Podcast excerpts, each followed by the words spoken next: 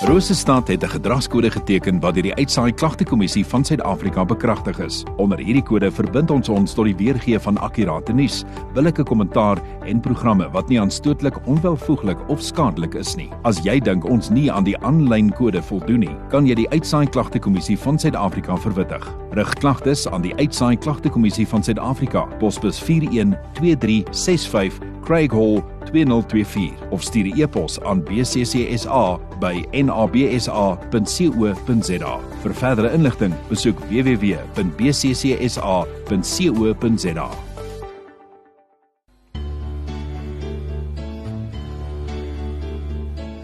Tyd vir oggendgodsdiens op 100.6 FM. Weer in die ateljee saam met my pastoor Bernard van der Vlies volle van die kerk Therapia. Welkom terug so op hierdie Vrydag. Ja, baie dankie Cyril. Dis lekker om saam met julle te wees en uh, die week het eintlik vinnig verbygegaan. Nee? Daar was soveel avonture in die ateljee. Dit was um, dit was nog 'n belewenis. Ja, was dit was lekker geweest. Ja. Nou ja, ons gesels hierdie week in ons uh, yskas magneetteks as Jesaja 41 vers 10 en ek hoop jy het nou al iewerste by 'n drukker of 'n plek uitgekom dat jy dit op jou yskas sit of dalk sommer net kreatief daar op die rekenaar 'n mooi mooi op 'n mooi kartonnetjie dit uitdruk want dit is 'n pragtige teks. Nou ons gaan afsluit vanoggend met die laaste fokus van hierdie teks is die feit dat God my en jou ondersteun. En dit is nogal 'n konsep wat ons soms so 'n bietjie oor die hoof sien. Maar ons het ondersteuning nodig as mense het ons ondersteuning. Ons het mekaar se ondersteuning nodig. Dink maar net aan die terugskool toe volgende jaar al daai ag volgende week al daai graad eentjies. Jy weet, mamma en pappa daar staan en skielik is jy in daai vakuum. Uh so ons gaan daarna kyk. So jy kan as jy wil kan jy so lank saam met my blaai na Jesaja 41 vers 10 en uh, dan gaan ons lees nadat ons eers geluister het na 'n lied.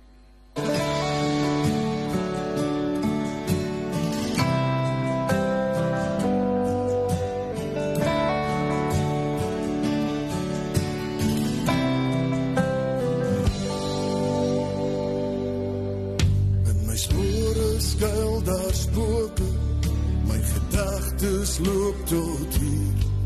Sonder wie is ek verlore soos die laaste angelier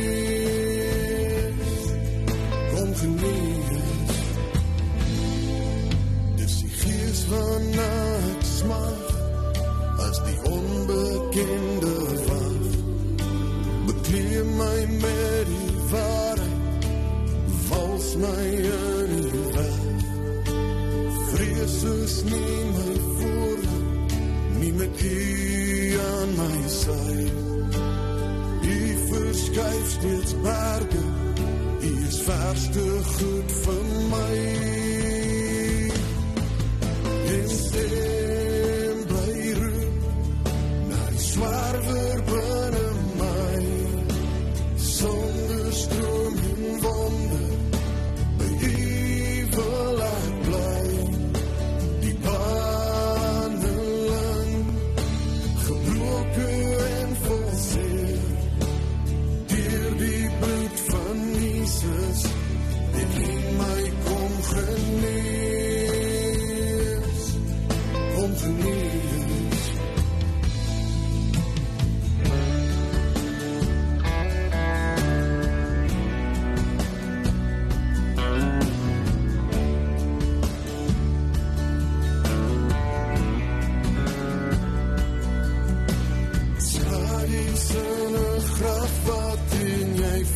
guide.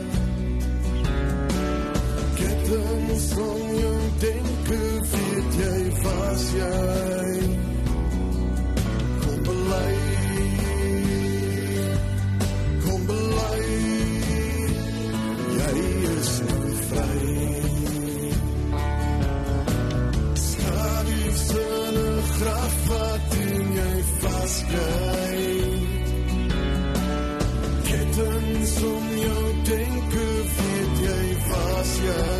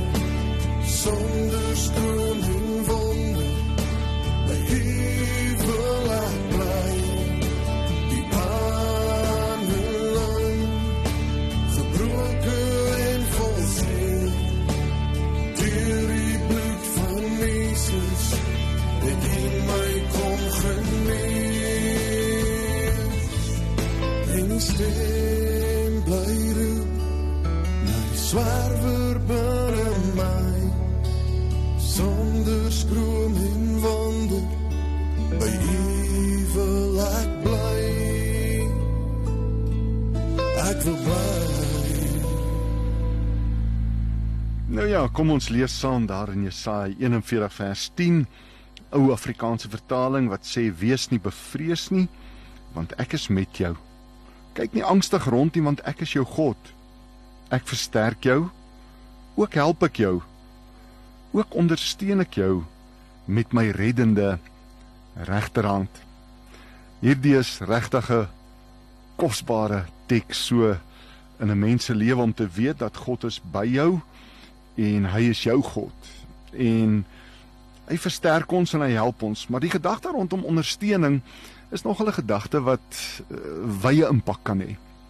As ek en jy dink aan ondersteuning veral wanneer hy in moeilike omstandighede is dan sit jou vriende en jou familie wat jou ondersteuningsraamwerk is. Dis die ouens wat jou bystaan en as te ware jou moed inpraat en jou ondersteun so so dit is so As 'n mens gaan kyk na die verhaal van Job, dis so opvallend dat sy drie vriende Elifas en Bildad en Sofar uh, dat hulle eintlik toe Job in sy elende is nie baie ondersteunend was nie. Inteendeel het hulle probeer kyk wat het Job verkeerd gedoen. Hulle het meer gaan fokus op wat se fout het hierdie ou gemaak dat hy in hierdie elende beland het en en dan dikwels by hom opgedag en sê bely en en en bekeer jouself en en maak dit reg wat in jou lewe is en dit was eintlik vir Job 'n steen des aanstoots as ek die ou Afrikaanse uitdrukking kan gebruik. Dit was vir hom 'n ontsteltenis. Jy weet, ehm um, dis nie lekker as jy in moeilike omstandighede is en dan is daar ouens wat jou kritiseer nie. So ondersteuning is 'n baie belangrike komponent in my en jou lewe, veral wanneer ons voor uitdagings te staan kom of in spasies of situasies is waar ons alleen voel En uh ek weet nie of jy al daai gevoel gehad het van jy stoksiel alleen nie. Ek dink daar is baie sulke gevalle waar 'n mens in 'n in 'n situasie is waar jy net alleen daar moet deurgaan. En uh, dan wanneer ons dink aan die gedagte wat hier vir ons voorkom in Jesaja 41 vers 10 dat God ons ondersteun, dan is dit eintlik so kosbaar om te weet dat ons in moeilike omstandighede het, iemand het wat ons bystaan. As 'n mens dink aan die mees kwesbaarste tyd in 'n ou se lewe, dan is dit so as jy nou 'n babatjie is, jy's gebore, dan het jy versorging nodig en en jy's totaal afhanklik van almal om jou en en en en jou die versorging wat jy kry, maar ek dink 'n baie kwesbare tyd is juis wanneer 'n mens skool verlaat. Daai eerste tree in die groot mens wêreld in. En wat my aanbetref dink ek is dit 'n baie baie belangrike tyd in terme van 'n ondersteuningsraamwerk. As jy hier so tussen 18 en 23 is en jy moet jy moet die groot mens wêreld aandurf en dan wanneer jy 'n ouer huis het wat jou ondersteun, maak dit dit soveel makliker. Maar wanneer jy dit moet alleen aanpak, dan maak jy foute en jy betaal vir daardie foute. Want ongelukkig is die groot mens wêreld nie soos my en jou skoollewe wat jy elke jaar 'n nuwe stel boeke kry en jy met 'n nuwe vars handskrif mooi kan begin skryf nie. Nee, die handboek van die grootmenslewe is elke dag by jou. En dit wat jy gister besluit het en eergister en selfs 'n jaar of 2, 3 terug impakteer jou lewe. En daarom dink ek is dit so belangrik wanneer jong mense uit die huis uit gaan dat hulle ouers daar sal wees vir hulle. 'n Klankbord sal wees wanneer hulle besluite moet neem. En net so is dit in ons verhouding met die Here. God weet dat ek en jy eintlik as mens oor die algemeen kwesbaar is. Ons het hom nodig. En dis juis daarom wanneer hy vir ons die uitnodiging maak en hy sê nader tot my en ek sal tot jou nader as ons sy hulp nodig het, is hy daar vir ons. Ek het al baie keer gewonder hoe werk gebed. Want weet God nie wat ons gaan sê voordat ons dit gesê het nie. Dit staan tog so geskrywe in Psalm 139. So hoekom moet ons bid? God weet wat in ons gedagtes aan die gang is. Maar dit is juis wanneer ek en jy ons afhanklikheid teenoor hom erken dat daar 'n mate ek dink van van eer is wat aan God toebedeel word want hy voel geëerd dat ons hom nodig het en afhanklik is van hom. En dan kry mense natuurlik 'n ander aksent van ondersteuning ook. Ek weet nie wie van julle al 'n funksie gereël het en dan kaartjies moes koop, verkoop. En dan het jy gehoop die mense ondersteun die funksie. En jy's afhanklik van daardie kaartjies wat verkoop word. En dan is dit so daar is mos altyd die familie wat elke funksie se kaartjies koop en by al die funksies is en en en hulle is jou beste en grootste ondersteuners, maar dan dan het jy die gemeenskapsondersteuning nodig. En dikwels so groot teleurstelling wanneer jy hard gewerk het aan 'n projek, 'n funksie gereël het en mense dag nie op nie. En dit gebeur in ons lewe. En dan is die ondersteuning nie daar nie. En dan dikwels betaal hy die prys ook daarvoor want dit werk op 'n verlies uit. Die goeie nuus is God is nie so nie.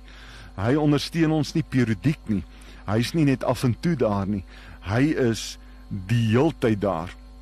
Psalm 137 vers 17 staan daar geskrywe van die arms van die goddelose sal verbreek word. Nou dis natuurlik in 'n gegeewe konteks, maar luister hoe mooi is dit. Hy sê maar die Here ondersteun die regverdiges. Ek dink daaraan Kronieke iewers is 'n mooi teks wat sê die Here se oë deurloop die hele aarde. Ehm um, en hy kyk wie se hart onverdeeld op hom gerig is om hulle kragtig te ondersteun. En dit is wat Psalm 37 vers 17 sê. Nou in vers 24 van Psalm 37 sê hy as hy val dan stort hy nie neer nie. Want die Here ondersteun sy hand. Psalm 145 die Here ondersteun almal wat val en hy rig almal op wat neergebo is. Ek kan nooit daardie teks verstaan het wat sê God het 'n beha in 'n verslaag gees en 'n gebroke hart nie. Dit het vir my geklink asof die Here vreugde daarin vind dat iemand hartseer is, asof dit vir hom vreugde verskaf. Maar dis nie wat dit sê nie. Dit sê wanneer ek en jy swak is, dan is God daar vir ons. En dit is die gedagte wat ons kry hier in Jesaja 41 vers 10 dat God ons ondersteun en luister mooi met sy reddende regterhand.